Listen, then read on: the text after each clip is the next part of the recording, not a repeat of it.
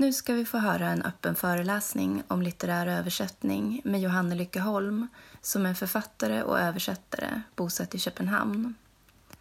Hon har bland annat översatt Yahya Hassan, Naya Marie Ait och Hiromi Ito till svenska. 2017 kom hennes debut, Natten som föregick denna dag, på Albert Bonniers förlag. Hon pratar om skrivandet som översättning, vad som händer när översättaren blir översatt och om att översätta ett författarskap man älskar, men från ett språk man inte förstår. Föreläsningen hölls på Akademin Valand den 24 maj 2019. Hej allihopa och välkomna till eh, kvällens eh, öppna föreläsning i litterär översättning som också är en del av vår magisterutbildning i litterär översättning här på Valand. Eh, välkommen Johanne. Tack. Jätteroligt att ha dig här. Du har ju gått här på Valand och du kommer hit och undervisar då och då. Du bor i Köpenhamn. Du översätter från danska till svenska och kanske från språk du inte kan också. Yes. Det vill berätta om hur man gör det. Ehm, och du skriver också själv och har debuterat med denna bok, Natten som föregick denna dag. Och ikväll ska du prata om eh, skrivande som översättning, att översätta och att bli översatt. För du har varit med och är med om alltihopa. Precis. Så, ehm, du pratar kanske i en timme och sen finns det möjlighet att ställa frågor om det är någon som vill göra det. Det vet jag att det finns ett par här som vill. Så jag lämnar över mikrofonen till dig och välkommen hit igen. Tack. Jag ska försöka hantera den här mikrofonen. Det kanske är dumt. Nej, det är jättebra. Jag sitter här en timme. Det blir kul. Vi gör så. Ehm, jag pratar kanske inte helt i en timme, men vi får se. Jag har, ja. Ehm, jag har försökt göra anteckningar så jag ska komma ihåg att säga allt jag tänkte att jag vill säga.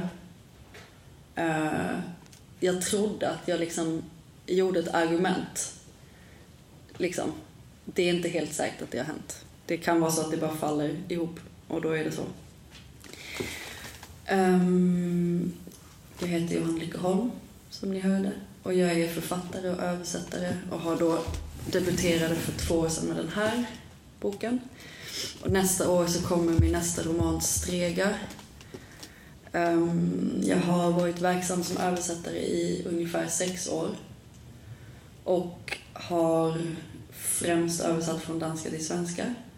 Men också från svenska till danska, uh, tyska till danska, engelska till svenska. Och främst prosa och poesi, men också en del dramatik. Och de danska författare jag har översatt är bland annat Lona Abouras, Yahya Hassan, Olga Raun, Maja-Li Langvad och många fler. Men liksom främst författare från min egen generation. Ehm, ny, ny dansk litteratur liksom. Och jag tänker att jag ska försöka säga, som Magdalena sa, några olika saker. Något om att skriva, något om att översätta, något om att bli översatt. Och jag tänker att de alltihop flyter ihop för mig på något vis. Och det här är konstigt nog, tror jag, första gången jag pratar om översättning. Mm. Och jag har under de senaste veckorna såklart tänkt en massa på vad jag har att säga om det. Och det har på något sätt visat sig att allt jag har att säga kommer liksom inifrån själva arbetet. Jag har inte liksom gjort mig så många stora tankar om översättandet för, tänker jag, av olika skäl, men jag hamnar liksom snabbt i det praktiska, det handgripliga liksom. Som om tankarna liksom, ja, som sagt kommer ur det att arbeta. Och jag tror lite att det handlar om att språket från början i mitt liv liksom har handlat om översättning. För att jag från början har hört två språk. Um, danska är mitt första språk. Svenska lärde jag mig när jag började skolan ungefär. jag, vet, jag tänker kanske inte riktigt på mig själv som tvåspråkig eftersom jag tänker på danskan och svenskan som så pass närliggande att det snarare är fråga om dialekter. Liksom. Um, men jag tänker att så här, språket har alltid handlat om överföring för mig. Liksom. Jag har liksom sen jag började prata svenska känt att jag har två olika röster. Nästan röst, två olika röstlägen tror jag att jag har. Tittar jag på dig. Um, på sätt och vis två olika personligheter. Två olika sorters humor, två olika kroppsspråk och så vidare. Um, och jag tänker mycket på danskan som kroppens språk och svenskan som skolans. Och att svenskan därför också är böckernas språk. Um, jag skriver på svenska, jag skulle aldrig kunna skriva på danska. Jag har inte ens försökt, för så det är en så pass omöjlig tanke. Um, och jag tror att grundpremissen, försök tänka på liksom vad det handlar om. Och det är nog att så här, hittills i alla fall så är mitt skrivandes grundpremiss, den låter så depressiv. Det låter verkligen inte kul. Men jag har liksom en stark känsla av att inte behärska svenskan. Alltså att jag skriver en, tänker ganska grammatiskt ganska hård prosa. Att jag tänker att jag på sätt och vis vill så långt in i grammatiken som möjligt. Men att jag någonstans också har, har en föreställning om att det inte att det handlar om att grammatik kan man lära sig. Att andra avdelningar av svenskan förblir slutna för mig. Svenskan kan aldrig bli eh, kroppens språk för mig. Konstigt nog. Mm. Och jag tror att det är någonting med att svenskan liksom hela tiden blottar sin konstruktion för mig. Den kan liksom inte vara ett oskyldigt material. Uh, ingenting är organiskt i svenskan. Att jag liksom ser den, om jag ska vara ärlig, så är den som en, liksom, en ond maskin. Och att mitt arbete som författare på något sätt är att så här, exponera den maskinen. Men på sätt och vis kanske också att driva den maskinen till kollaps. Att liksom få den att krossas under sin egen tyngd um, genom grammatiken. Om det är begripligt. Liksom. Och därmed inte sagt att jag inte till exempel, som i den här boken, kanske ännu mer i den nästa, är intresserad i det vackra. Men det är liksom alltid det vackra som konstgjort eller det vackra som liksom den onda maskinens kanske maskeradkostym. Um, tror jag. Jag hör själv hur det låter. Depressiv poetik.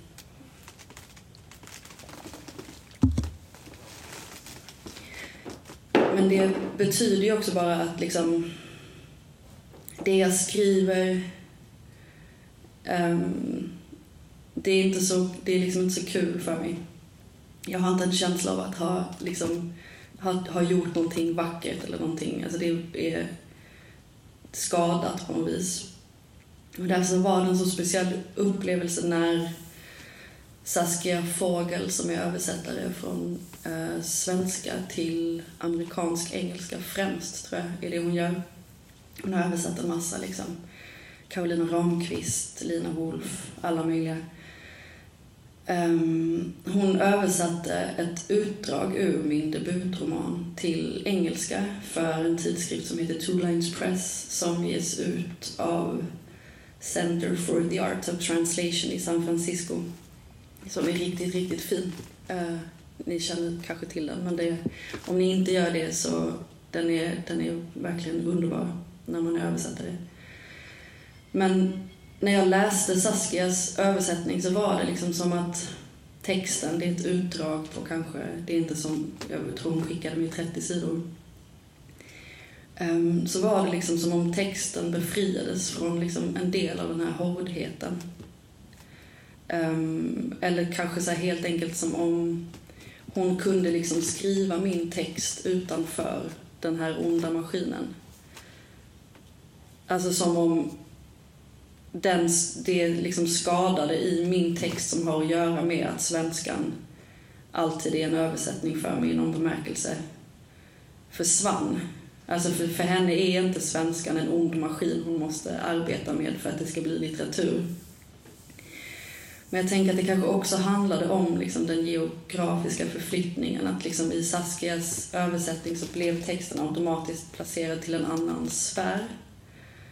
Um, att bokens rekvisita på något sätt min, i min text liksom placerar den i ett ganska borgerligt Centraleuropa um, för knappt hundra år sedan. Även om den, den varken är liksom, den, den har varken tid eller plats men det kanske, jag tänker att det är där man kan placera den, om man kan placera den någonstans. Men i Saskias översättning så är texten plötsligt Southern Gothic.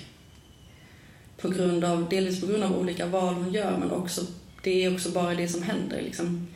Um, det är på sätt och vis också en genreförflyttning som var rätt spännande. Liksom. Ehm, jag tänker att det liksom var en geografisk, en litterär och en språklig förflyttning som gjorde att jag plötsligt kunde så här, se vad jag skrivit. Som kanske låter banalt, men som är en särskilt, eftersom jag själv är översättare så var det stort. Att jag liksom genom hennes översättning kunde läsa mig själv. Nästan som att en ridå drogs undan. Um, men det gjorde ju också, det gjorde både att jag kunde så här, se mig själv som författare men också att jag fick syn på någonting som har med översättning att göra. Nämligen att till exempel den här fixeringen vid detaljer som jag tänker att ni kan känna igen, ni i rummet som är översättare, um, som man kan ha i sitt arbete blev helt irrelevant när det var jag som blev översatt. Um, att skillnaden mellan min text och Saskias, att det var det som var själva gåvan. Um, inte precision eller att det överensstämde eller att jag kände igen någonting utan tvärtom. Att på sätt och vis väl bli läst genom hennes översättning. Och att jag i det på något sätt förstod att liksom den nitiskhet jag själv hela tiden försöker uppnå, eller försökte kanske, um, kanske också helt så enkelt i en rädsla för att göra mina författare besvikna eller liksom att jag skräcken för att liksom den där översättarskräcken för det fatala misstaget som jag också tänker att ni känner igen. Um, att det visade sig plötsligt vara helt oviktigt. Um, att jag liksom genom Saskias översättning helt enkelt förstod det som kanske är uppenbart, att det inte är nitiskhet man ger sin författare utan någonting helt annat. Um, och att det var liksom en... Um, det var fint att få se, um, få tänka på det från två håll samtidigt på något vis. Um, och jag har själv som översättare, liksom, jag har översatt väldigt många böcker på kort tid. 15, jag tror det är 15 böcker och ett antal pjäser på sex år. Och jag har, liksom, jag har aldrig gått i skolan, jag har aldrig gått någon kurs. Det verkar underbart, jag önskar att jag hade gjort det. Um, och det, det har liksom mycket varit ett um, ett arbete helt enkelt, ett brödjobb. Jag har inte hittat böcker jag älskar och sen översatt dem. Utan jag har liksom um, fått jobb. Och så har jag såklart översatt böcker jag älskar ändå. Men det har liksom inte varit... Jag, jag är inte den typen av översättare. Jag tänker att det också är därför det har varit svårt för mig att komma på vad jag ska säga. För att jag är så långt inne i, i arbete. Mm. Jag tror att den metod jag har har på något sätt uppstått ganska intuitivt och liksom efterhand.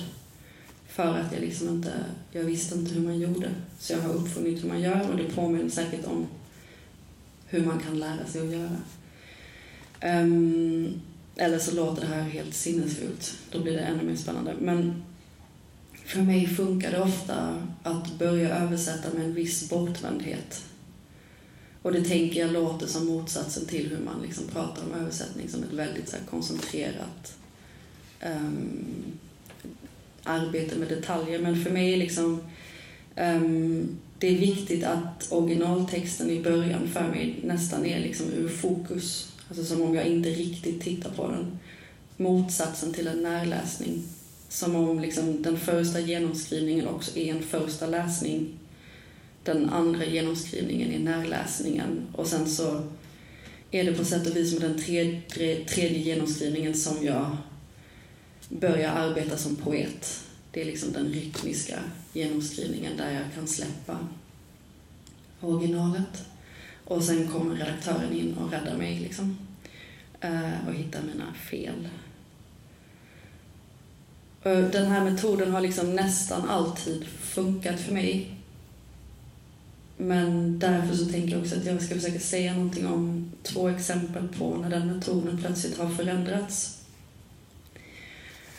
Och jag har aldrig tänkt på det som, som eh, det har aldrig varit, jag har aldrig varit medveten om det när det har hänt. Det är som om det har kommit en ny metod inifrån själva arbetet eller inifrån själva boken jag skulle arbeta med.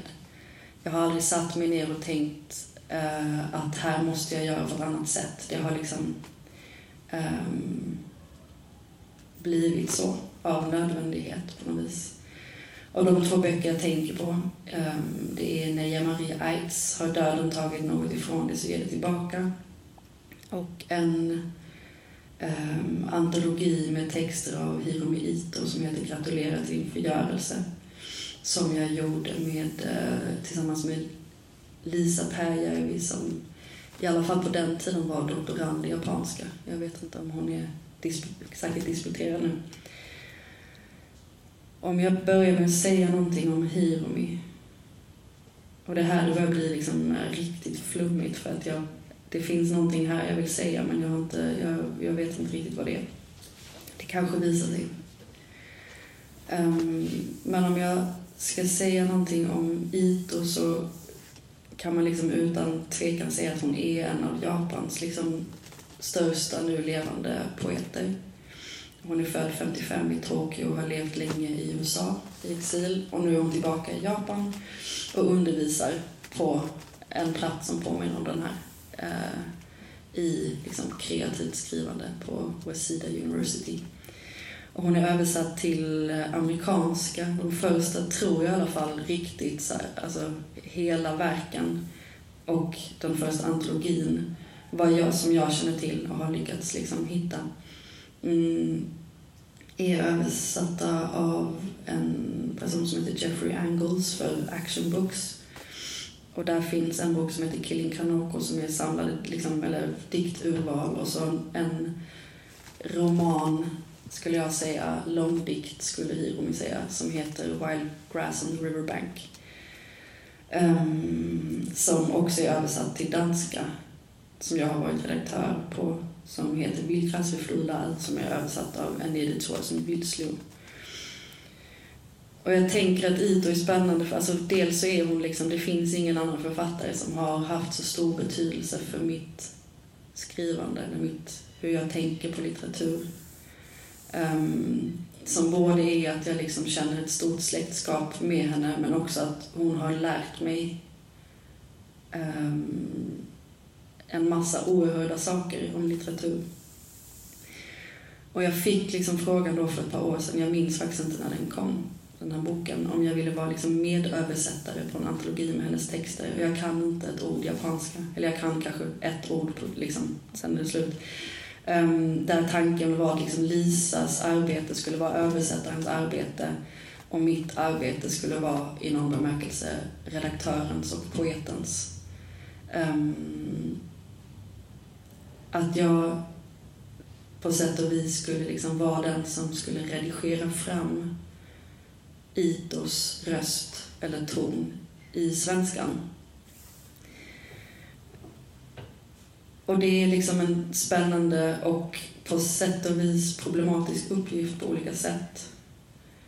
Um, jag har tänkt en del nu på, nu kommer den en parentes tänker jag i det här, men att liksom Ito på olika sätt i sina dikter och i sin prosa också arbetar med översättning. Och då är det, ordet översättning är komplicerat, alltså det kanske inte är det hon gör.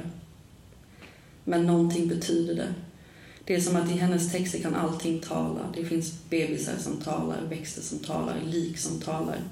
Och att diktens uppgift hos henne på sätt och vis är att göra detta tal möjligt att höra. Alltså som om dikten är en scen där olika kroppar kan göra entré. Eller liksom en scen där rösterna plötsligt går att höra. På sätt och vis liksom en översättning av växternas tal, likens tal, bebisarnas tal. Mm, att de liksom börjar tala i ett språk som vi förstår. Att hon avkodar det föreläsaren i någon bemärkelse. Um, eller så skulle man kunna säga att hon också, det finns en bok som heter Jag är Anjo som finns i norsk översättning av eh, uh, Ika Kaminka som kom förra året tror jag. Um, och det är liksom en text som man skulle kunna kalla en översättning av en inspelning, inspelning av ett mediums rapport av en andres tal. Alltså väldigt många led av översättning eller transkription eller överföring. Liksom. Um, eller som i Wildgrass and the Riverbank. Där japanskan plötsligt, och det var väldigt komplicerat när vi skulle jobba med den på svenska, men där börjar japanskan plötsligt arbeta fonetiskt som amerikanska.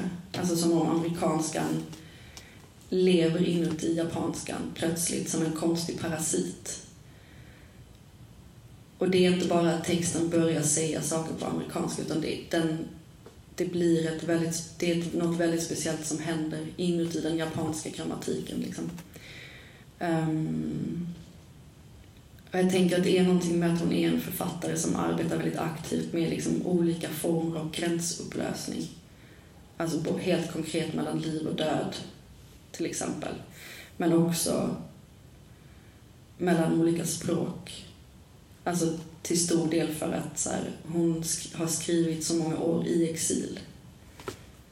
Genom engelskan liksom. Eh, så hon arbetar liksom med en väldigt specifik typ av språklig kollaps som jag tänker liksom på något sätt har med översättning att göra. Och att det,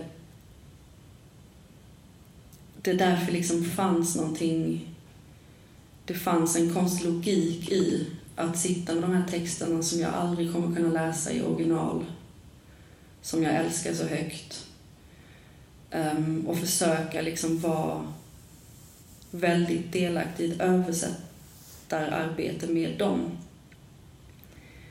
Men jag har liksom tänkt på med, den här, med det arbetet, så här, vad är det man lutar sig mot när man gör en översättning utan att kunna språket? Och det var såklart Lisa som gjorde den liksom grundöversättningen men ändå vi jobbade så nära varandra så att jag har liksom jag har påverkat slutresultatet väldigt starkt såklart. Liksom. Vi gjorde det tillsammans.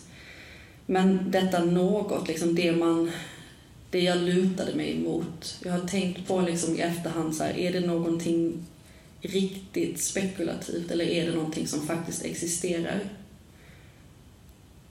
Och jag tänker att det liksom, i själva arbetet så kände jag mig förstås väldigt nära Itos skrift, liksom, eller förbunden med den till och med. På ett sätt som gjorde att jag kände mig liksom ganska konsekvent säker på att de val jag gjorde var rätt. Alltså lojala med hennes författarskap, lojala med hennes litteratursyn. Liksom. Mm, jag kände inte Hiromi på den tiden så jag hade liksom heller inte, det var inte i dialog med henne. Men jag tänker att det fanns liksom i själva arbetet någonting väldigt, som jag inte kände igen från mig själv annars, men någonting väldigt självövertygat och säkert. Och att det först var liksom när boken kom, när det faktiskt inte längre var ett arbete utan ett liksom bokobjekt, som jag plötsligt kunde börja så misstänka mig själv för att ha liksom blivit förföljd av den här känslan av att ha en litterär mamma. Alltså att jag på något sätt um, kanske hade liksom gjort en massa tvärsäkra beslut på vaga grunder. Eftersom jag, så, liksom, jag har bara tillgång till Itos text genom andra översättare, eller faktiskt ja, Ika Kaminka och Jeffrey Angles som båda två är liksom riktigt, riktigt skarpa översättare. Det är det ingen tvekan om. Men det är ändå någonting med det att aldrig kunna läsa en dikt i original och ändå ha en stark upplevelse av att kunna någons poesi. Um, en kanske så falsk föreställning om att intuitivt veta vilket beslut som är rätt att ta. Där jag tänker att det liksom på sätt och vis det jag då lärde, eller den metod som blev synlig för mig, eller den tanke som finns i det arbetet för mig, det är någonstans att så här, det finns en stor risk liksom, att jag har tagit riktigt konstiga beslut i det arbetet. Men att jag på något sätt förstod att så här, det här är också bara en på något sätt uppblåst version av någonting som hela tiden händer när jag översätter. Nämligen att jag måste acceptera den situation som är att man som översättare kan passera gränser, vara eh, spekulativ, göra konstiga misstag, eh, stå inför en massa etiska svårigheter men att man ofta på sätt och vis först förstår det när det är för sent.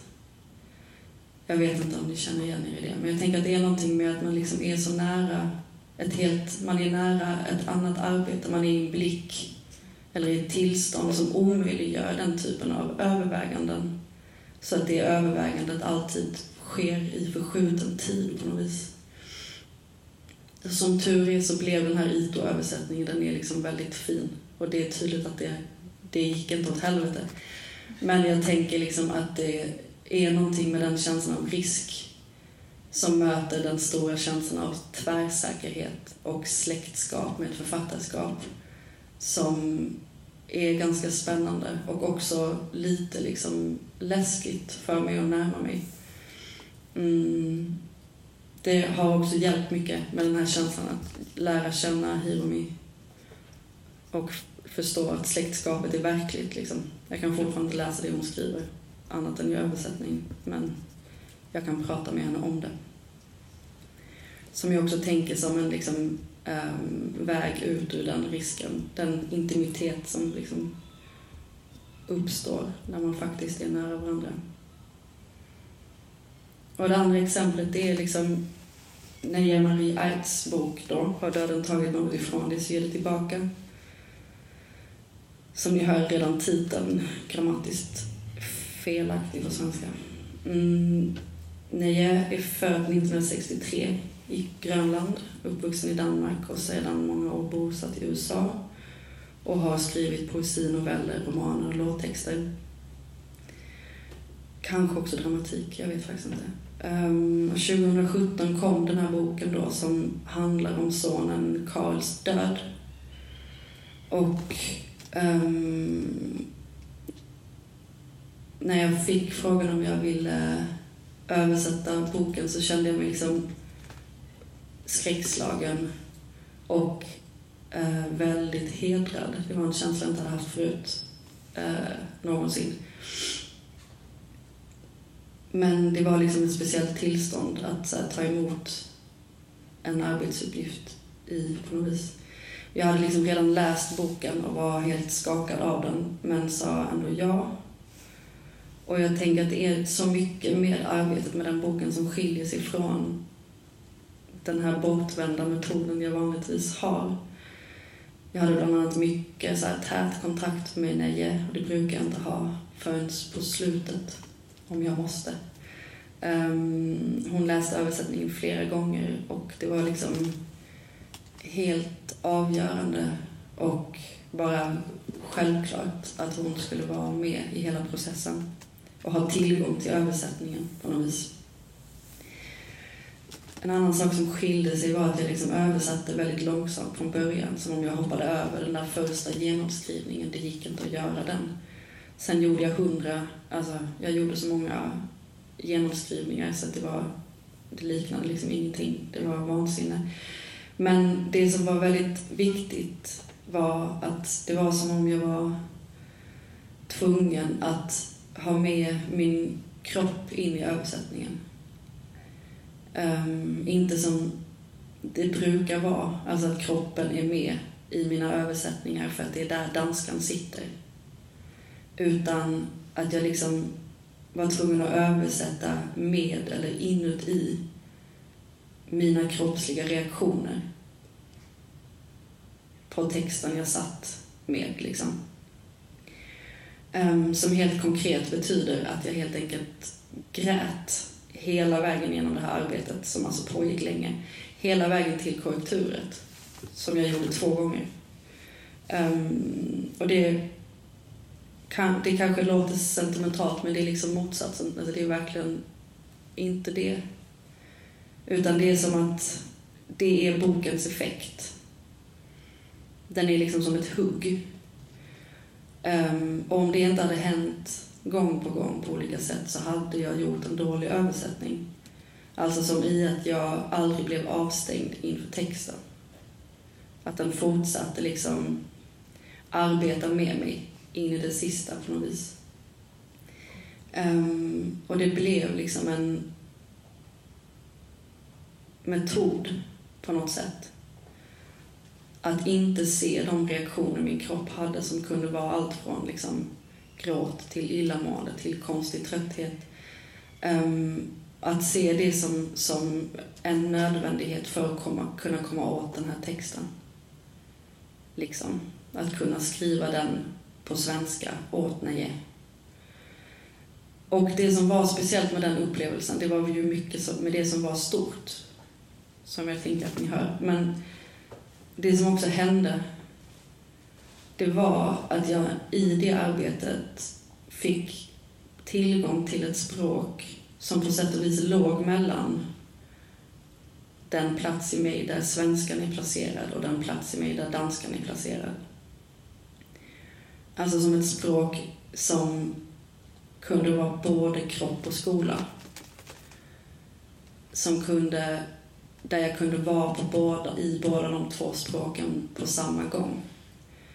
Um, som jag tänker var en sån konkret upplevelse av um, att hjärnan var så otroligt koncentrerad och fokuserad och samtidigt så arbetade kroppen på sitt sätt. Liksom. Um, och det har liksom också haft den effekten, tänker jag. Att så här, ja, det är liksom den enda översättning jag har gjort som jag har ett, eh, uh, ett okomplicerat, kärleksfullt förhållande till. Jag är inte liksom... Jag är inte arg på den jag inte, känner ingen skam, jag känner ingen rädsla för att det finns några, det finns säkert misstag i den, precis som det gör i alla bra översättningar. Men, eller i alla översättningar kanske. Men jag tänker att det är någonting med det, att den för mig var den processen var liksom en plats där eh, skrivandet, översättningen och kroppen i någon bemärkelse äntligen kunde vara på samma plats i samma ögonblick. För en stund i alla fall. Mm. Ja. Jag har ingen sån vacker avslutande rosett på det jag tänker att jag skulle säga. Och jag har inte pratat så länge. Men jag tänker att vi kanske kan... Det vore underbart om någon hade en fråga så jag slipper sitta och lyssna på min egen röst. Bara i en evighet. Jag kan sitta och stirra på er tills det händer bara. Ja. Eh, genomskrivningar. Mm. Skriver du hela texten om och om igen? Om du säger de här standardmetoden, tre Mm. genomskrivningar, Mm. skriver du hela texten? Alltså jag skriver den som i att jag läser den. Ja, jag sitter inte och, och gör en sån överföring, nej. Om det är det du tänker. Nej, det gör jag inte. Men jag, jag arbetar med den som, det är som att i andra... Ja, precis. Och det brukar jag göra. Det gör jag tre gånger. Mm. Men jag är ingen, jag är liksom, jag tror mycket på eh, slarvighet inledningsvis. Borde jag inte säga när jag blir inspelad. Men jag tänker att det är någonting med den där andra, den andra genomskrivningen är liksom den torra i någon bemärkelse. Jag brukar också hoppa över det finns ju så många liksom sinnessjuka idiomatiska uttryck på danska som jag bara, ofta bara låter vara. Liksom. Ehm, för att jag upplever att det är den där första genomskrivningen som, som jag kan liksom göra tonen Mm. eh, utan att den blir för tänkt kanske. Mm. Jag tänker att om man, man... När man närmar sig en text kanske man alltid har en viss nivå av respekt.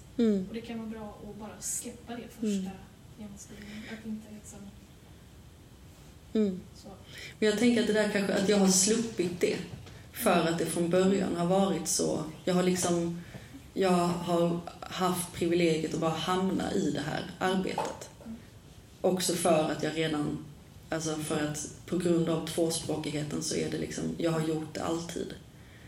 Så jag tänker att jag liksom har, jag har bara blivit inkastad i det. Så tänker jag också att det är någonting med så arbetsvillkoren. Mm. Att det är sällan man har tid att ha för stor vördnad. Det är bättre att bara göra det och ta konsekvenserna efterhand. Liksom. Ehm, ja. Men jag tänker också att det finns, liksom, det finns en poäng med den mer långsamma metoden. Men det är inte... Ja, jag kan inte det. Hur gör du? Eh, olika beroende på vad det är för text. Det är Mm. det. Just med texter som jag tycker väldigt mycket om. Mm. Eh,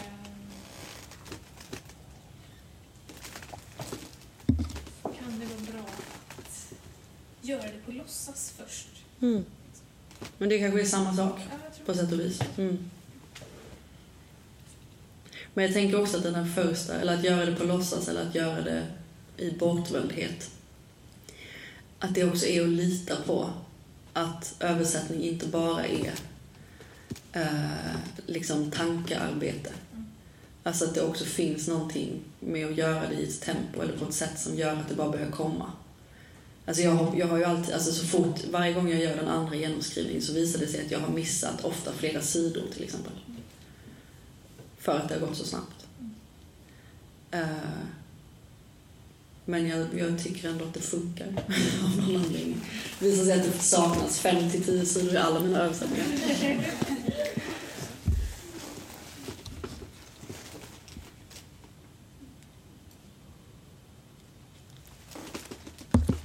Fråga mig vad som helst. På riktigt.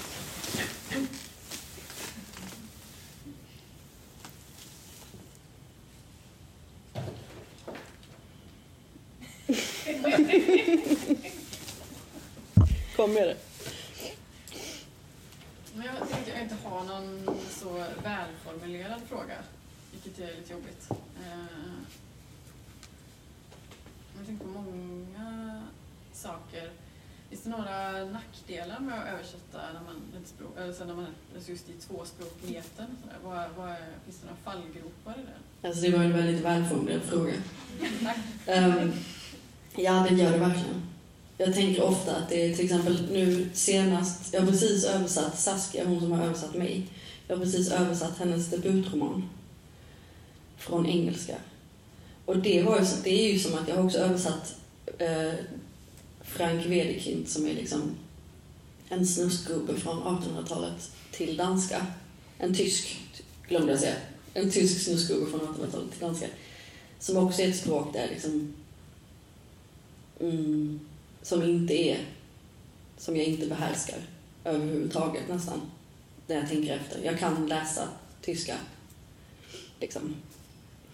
Men det har ju bara vi- det visar sig ju när jag sitter med engelska till exempel att det är ju massa saker som är enklare för att det är svårare såklart. Alltså det är någonting med jag tänker att det jag ganska ofta i den där andra genomskrivningen jag gör så ser jag ju att så här, det, gör, alltså, den, det är ju på riktigt, det är, inte, det är inte lögn när jag säger att jag inte behärskar svenska. Alltså jag förstår att det låter okej, jag hör det, men det är väldigt tydligt när jag tittar på mina översättningar innan de har blivit redigerade att jag eh, skriver på en maskerad danska. Så det som händer är att jag direkt översätter massa saker det finns en massa grammatiska lösningar som jag gör som inte finns på svenska. Ord som jag bara hittar på. Um, och det tänker jag är problemet. Liksom redigerar de bort det helt eller tror du att det finns kvar lite? Jag tänker att det delvis finns kvar och att det är också så här, jag har inte jättemånga principer kring översättning men jag tror på den principen att det inte är en dålig sak. Alltså jag är inte säker på att den helt idiomatiska översättningen alltid är den bästa. Alltså, mina för, alltså min första översättning som var boken En av oss sover av Josefine Klogart, den vet jag att det finns alltså riktigt mycket bara ren danska i. Men som på något sätt liksom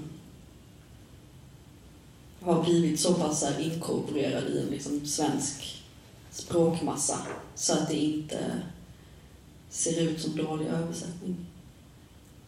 Men jag tänker att det syns, alltså mer eller mindre. Och att jag inte kan se det själv. Alltså sen har jag, alltså jag har ju jobbat med så bra redaktörer så att jag får också jag får hjälp med det. Men det är också för att det är så nära. Mm. Alltså det, är just, det handlar ju mycket om det, att det är dialektöversättning liksom.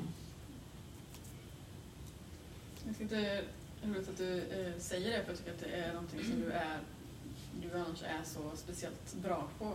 Att eh, när, du, när jag läser danska som du har översatt till svenska mm. så eh,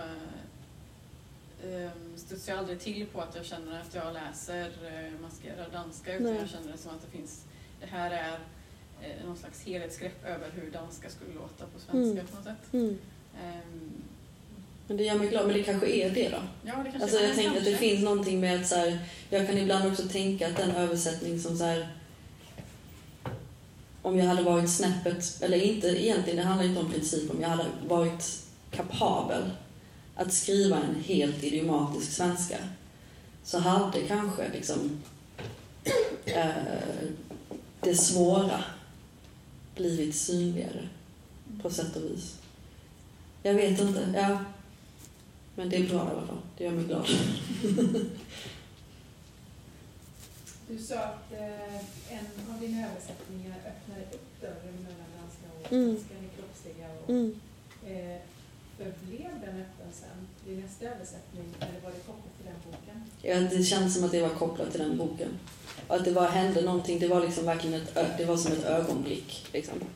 Och jag har först fattat det i efterhand, hur det liksom, att det var så, tror jag.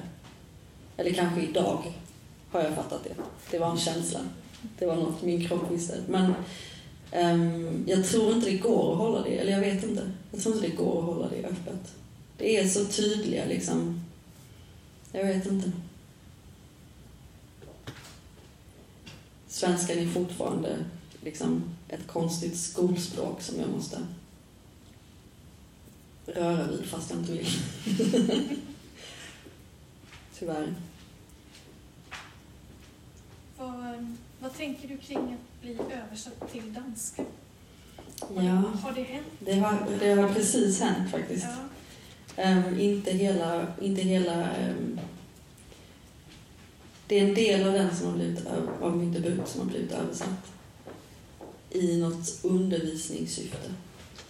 Och sen så har um, Jonas, Jonas Eike, som är dansk uh, prosaist, precis översatt ett utdrag ur min nästa bok till danska.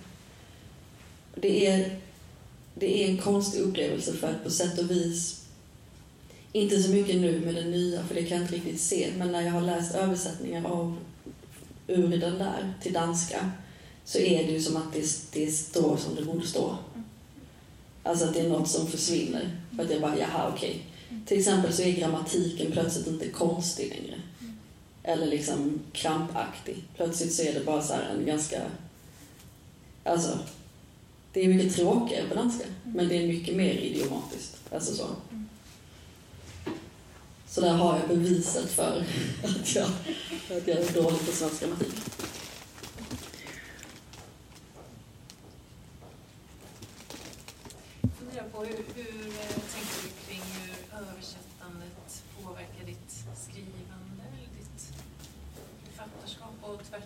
Mm.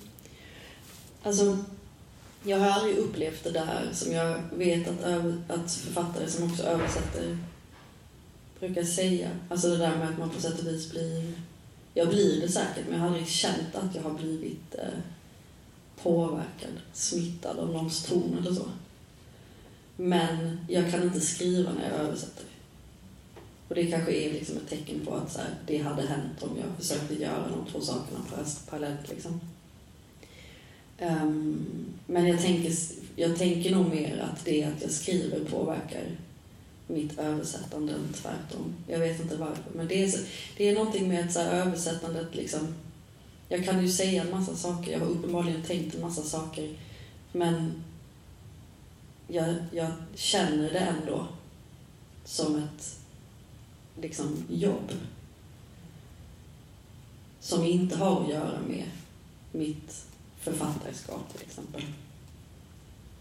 Och det är någonting märkligt med det som jag inte själv riktigt fattar. Men jag tänker nog mer att jag liksom, det är väldigt många problem i översättningar som jag löser med liksom min poethjärna.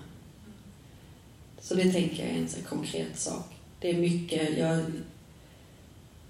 det är mycket jag löser rytmiskt till exempel.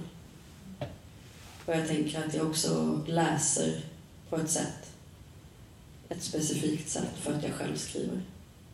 Som såklart gör någonting med hur mina översättningar ser ut.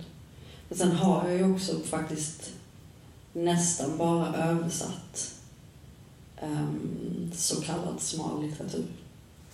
Liksom. Jag vet ju inte vad som skulle hända. Jag tror jag skulle vara alltså riktigt dålig på att översätta. Jag har sagt nej till att översätta en deckare en gång. För att jag tänkte, ni vill inte se den översättningen. Ingen vill se den översättningen. Mm. Den hade kunnat gå direkt till, som i studiesyfte på något vis. Titta på vad som händer när man ber, ber mig översätta en blodig deckare. Um, även om det hade varit härligt. Så jag tänker att det också är det. Det är också någonting med att jag rör mig i ett fält där översättning och skrivande hela tiden liksom blandas samman. Liksom. Men jag är ju verkligen ingen sån. Jag har, jag har inte valt, liksom, mer än i ett par enstaka fall så har jag inte valt det jag har översatt. Liksom. Och det är väldigt nytt att jag har råd att säga nej till um, jobb. Så det är ju också så här, det är ju jättemycket med det här som bara är rena arbetsförhållanden. Och dåliga löner, som ni vet.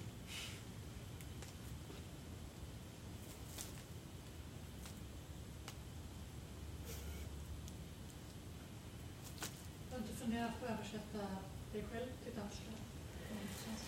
Alltså det hade aldrig gått. Det hade liksom inte, jag kan, jag kan inte. Alltså det var inte mer än det kanske är fem år sedan jag lärde mig att skriva. Alltså jag skriver så illa på danska. Så att det är, det kanske är nu jag kan skicka ett mejl utan att folk vill liksom rätta med rödpenna. Så det finns, jag har inte... Jag tror också det är så här, eftersom jag jobbar så mycket med grammatik, eftersom det är det som intresserar mig när jag skriver, så skulle jag om jag försökte översätta mig själv till danska bli så upptagen av den danska grammatiken så att texten skulle förändras och bli en annan. För det är så liksom, tydligt för mig att den här boken liksom um, gör en grammatik, börjar arbeta med den grammatiken och sen får ta konsekvenserna på något vis av den. Alltså en ond maskin som börjar arbeta och sen utplåna sig själv i någon bemärkelse. Och jag skulle behöva hitta den maskinen i danskan. Liksom. Så det måste vara någon annan som gör det. Liksom. Tror jag. Men när jag gick på litterär gestaltning så sa min professor hela tiden åt mig att eh, vägen ut ur det hårda skulle vara att börja skriva på danska. Men det hände aldrig. Det kommer aldrig hända. Det ska stå på min gravsten. Hon skrev aldrig ett ord på danska.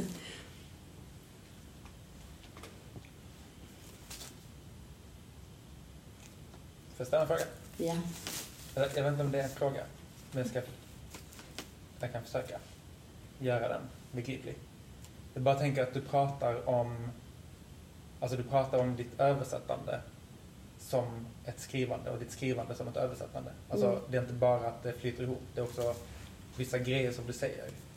Som att du löser vissa grejer i din översättning med din poethjärna. Mm. Och att du skriver på skolspråket. Alltså Mm. det är liksom inte bara att det flyter ihop utan att det faktiskt Ja. har bytt plats. Liksom. Så, här. så tänker jag på i den här, den här eh, finns en sån eh, så här klassisk essä av Walter Benjamin, översättarens Mm. uppgift, som Ja. alla känner till. Men i den så, i typ så här hur han pratar om översättarens uppgift, så finns det om, jag minns inte det här riktigt, det var länge sedan jag läste den, men jag för mig att han, det finns liksom ett parti där han också kontrasterar det mot liksom författ, eller poetens uppgift. Mm. Och då är det, och rätta mig om jag har fel. Men jag har för mig att det, han säger liksom att vad översättaren måste göra är att vara liksom riktad mot språkets helhet. Mm. Alltså eh, målspråkets helhet. Mm. Och att det på något sätt handlar om, vad var det som, vad det, ja, du sa att det är som att flytta danskan så som danskan låter som svenska. Alltså att det är precis, för att göra det så måste man liksom vara riktad mot svenskan i sin helhet. Mm. Liksom. Mm. Man, att känna till så här, hur låter det här språket. Ja. Och att poetens uppgift är mer att hitta liksom, specifika språkliga figurer. Mm. Att göra liksom, den grejen. Mm. Som du också beskriver, liksom, med att hitta, hitta liksom, en grammatik och sen ta konsekvenserna av det. Det är liksom en grej. Men om man tänker på det omvänt, alltså som i ditt fall, att det är liksom omkastat. Att när man skriver, alltså du säger ändå att när du skriver på svenska så jobbar du med grammatik, det är liksom språkets helhet. Mm. Ja, jag vet inte om det är en fråga i slutet av det här, men är det liksom, kan, kan man tänka på det så? Att, och vad betyder det då? Att som författare, alltså som, när du hittar på text, Mm. att du är riktad mot språkets helhet och när du översätter. För jag tänker också på det med den här första, alltså första genomskrivningen, den Mm. bortvändheten. Att det också eh, är ju ett sätt, tänker jag, att vända sig bort från att göra specifika figurer. Ja. Liksom.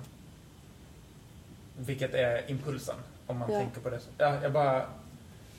Är det, ger det mening liksom, att tänka på de två... Alltså man behöver kanske inte ens hålla med Benjamin om den, de två uppgifterna. Men om man... Jo, men det är klart det är en mening. Alltså vad jag tänker, att det är någonting med... Jo, men det gör det ju. Men jag tänker att grammatiken... Alltså det finns ju också någonting i... Som inte har någonting med Benjamin att göra. Men jag tänker så här, språkets helhet för mig då definitivt är grammatiken. Och det är där mitt skrivande rör sig. Men jag menar begäret är väl att dominera, alltså att dominera den helheten. Knäcka svenska. Att knäcka svenskan är ju min ambition. Förstår du vad jag menar? Ja, ja. Och det tänker jag liksom är en annan, eller? En annan än... Men det finns ju en aggressivitet i det. Som kanske saknas i Benjamins. Det är inte översättarens uppgift. Att Ja, krossa svenskan, precis. Ja, Det är inte översättarens uppgift att krossa det är svenskan. författarens uppgift. Precis, det är författarens uppgift. Ja, men det kanske finns ändå någonting med att så här, jag kan inte tänka så på översättning. Och det kanske... Va? Nej, men den är inte krossad, men jag kan, heller inte, jag kan inte tänka... Jag, jag kan inte använda den tanken om att översättning har att göra med språkets, språket som helhet. Det kanske är just, alltså det fin, jag förstår vad du menar. Det kanske är precis det jag värjer mig mot i så här, den bortvända första genomskrivningen. Men som heller alltså det är någonting med att så här, jag kan aldrig komma till en översättning genom svensk grammatik. Jag vet inte varför. Det är liksom inte det som är, men det kanske också, ja det är ju det som händer. Det är någonting med att så här, det måste vara så. Det måste vara att så här, ja, begripliggöra danskan. Ju. Ja. Din fråga var smartare än mitt svar. Jag ber om ursäkt. Snälla. Snälla.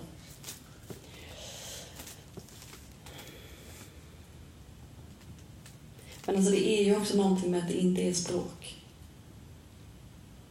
Vilket inte... Alltså att svenskan och danskan inte är olika språk på det sättet. Det är ju någonting med så här, ni översätter från, jag vet att alla inte översätter här, men kanske, men Engel, engelska och franska. engelska och franska. Även ni som eventuellt är tvåspråkiga, det är ju fortfarande översättningar från två olika språk. Två olika grammatiker, liksom. Det är det inte med danska och svenska. Det är ett annat, liksom, det ser ut på ett annat sätt. Tycker jag. Men jag, bara en grej om det. Ursäkta, för jag. Alltså jag tänker att när man är tvåspråkig Mm. På det sättet, alltså att det från början, de har liksom vuxit i, ihop och isär. Liksom. Mm. Att det aldrig känns som tvåspråk. Oavsett om det är danska och svenska. Alltså så du tänker det är tvåspråkigheten, inte Ja, att det är närliggande? alltså att från, från inifrån den kroppen Mm. som, eh, alltså som härbärgerar båda språken Mm. så är de ju alltid dialekter av samma Mm. kropp liksom. Ja. Ja. Eh, Min man är, jag brukar säga, han är verkligen exakt hälften grek, hälften svensk. Eh, grekiska och svenska är ju inte samma språk, kan vi säga. Ehm, och eh, nej, han, han har långa utläggningar för mig om, om hur olik han är på de språken. Jag skulle inte tro att han... Nej men det, det tänker jag, alltså, tänk att Johanna beskrev inledningsvis att du har helt olika, att det, alltså det tänker jag är att man är olika personer på de olika språken. Att det också är Men dialektalt, du märkt det? Vad säger du? Alltså det går ju också att tänka det som dialektalt, kan jag tänka. Ja, men jag, tänk, jag menar bara upplevelsen Mm. av hur de hänger ihop. Mm. För de är fortfarande i samma kropp, Mm. Mm. alltså båda språken. Mm.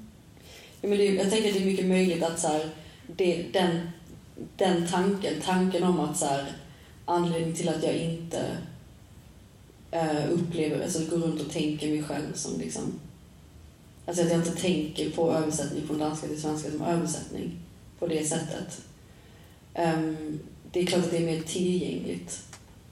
Det är enklare att säga det för att det är dialekter än att liksom tänka på det som till exempel kroppslig erfarenhet. Alltså så. Det är lättare att prata om som något torrt. Som kommer utifrån, liksom. Ja. Skulle du säga att du är, alltså, också som att du är väldigt medveten i så fall om de här dialekterna eller sådär. Jag tänker på eh, hur, jag, hur jag tänker själv hela tiden. Och jag, alltså nu pratar vi bara om dialekter på svenska. Mm. Men att man själv får ifrågasätta sig själv. Så att man, är, det, är, det, är, det, är det så här, förstår hela Sverige det här? Eller, Mm. eller, eller, eller är det bara eh, i Borås? Liksom? Eller. Mm. Eller för, för det kan jag komma på mig själv med, med ofta också. Man, eller, för att eh, för mig är, den, det dialekten eller den svenskan eller det varianten Mm. så nära eh, Ja men det uttrycker en viss sak. Eller jag använder Mm. när jag pratar om vissa Ja. saker. Alltså, det är väldigt svårt, ja, förlåt, men det, Nej. är, också, det är väldigt svårt att, se när de går över Mm. varandra. alltså för mig så blir, alltså det där, Mm. prak, mer praktiska, då, blir, då är dialekt ingenting annat än malmöitiska. Och det är alltid ett problem. Varje översättning jag gör så är det en redaktör som har sagt Vad menar du? Rullebör. Vad är en rullebör? Men också sånt så här, liksom olika uttryck när jag ska skriva någon så här talspråklig härlig replik. De är så här, nej, ingen förstår vad det här betyder. Och jag argumenterar och de säger så här, stryk. Och jag tänker att det är det. Liksom där, när det är dialekt på det sättet, då är det Malmö som är mitt problem. Men hur är dialekt ett problem? Eh, vad är, vad är dialekt i svenska och danska i så fall? Det är, Oh, det är svårt. Men det är kanske, alltså jag tänker att det är någonting med det, alltså att det är så närliggande. Det är inte så här, jag går, jag ser, jag kan liksom se mina händer börja röra sig på ett annat sätt. Men jag har inte känt övergången. Jag vet inte när jag pratar danska och när jag pratar svenska alltid. Jag kan märka det på hur folk reagerar på mig. Och det är någonting med den kroppsliga ju faktiskt upplevelsen som gör att så här, um, Att jag tänker till exempel danska och svenska som blir så här, det beror på vem jag pratar med. Det är inte olika språk, utan det är vilket är lättast. Alltså om jag pratar till exempel när jag undervisar här på litterär gestaltning, jättesvårt för mig att prata med folk som pratar norska. För att jag börjar växla mitt i en mening. Jätte, alltså varenda mening. Fram och tillbaka, helt obegripligt.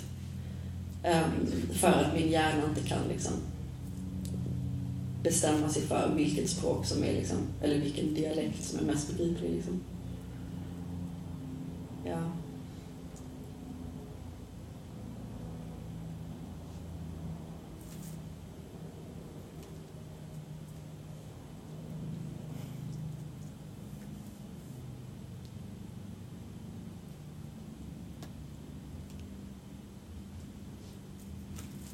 Alltså det är som, jag skulle kunna sitta här riktigt länge och bara vänta. Men vi kan också bara säga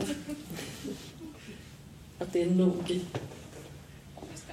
Eller hur? Tack så mycket, Janne. Tack. Eh, tack alla som kom hit. Eh, vi stannar kvar ett tag och kanske du stannar några minuter också om man vill eh, ställa en fråga som jag inte ställde nu eller någonting. Säga någonting annat till dig. Hemliga frågor, sa vi nu. Ja, men stanna gärna kvar och eh, vi återkommer i höst. Eh, 4 oktober har vi nästa öppna föreläsning. Långt kvar dit. Tack för ikväll.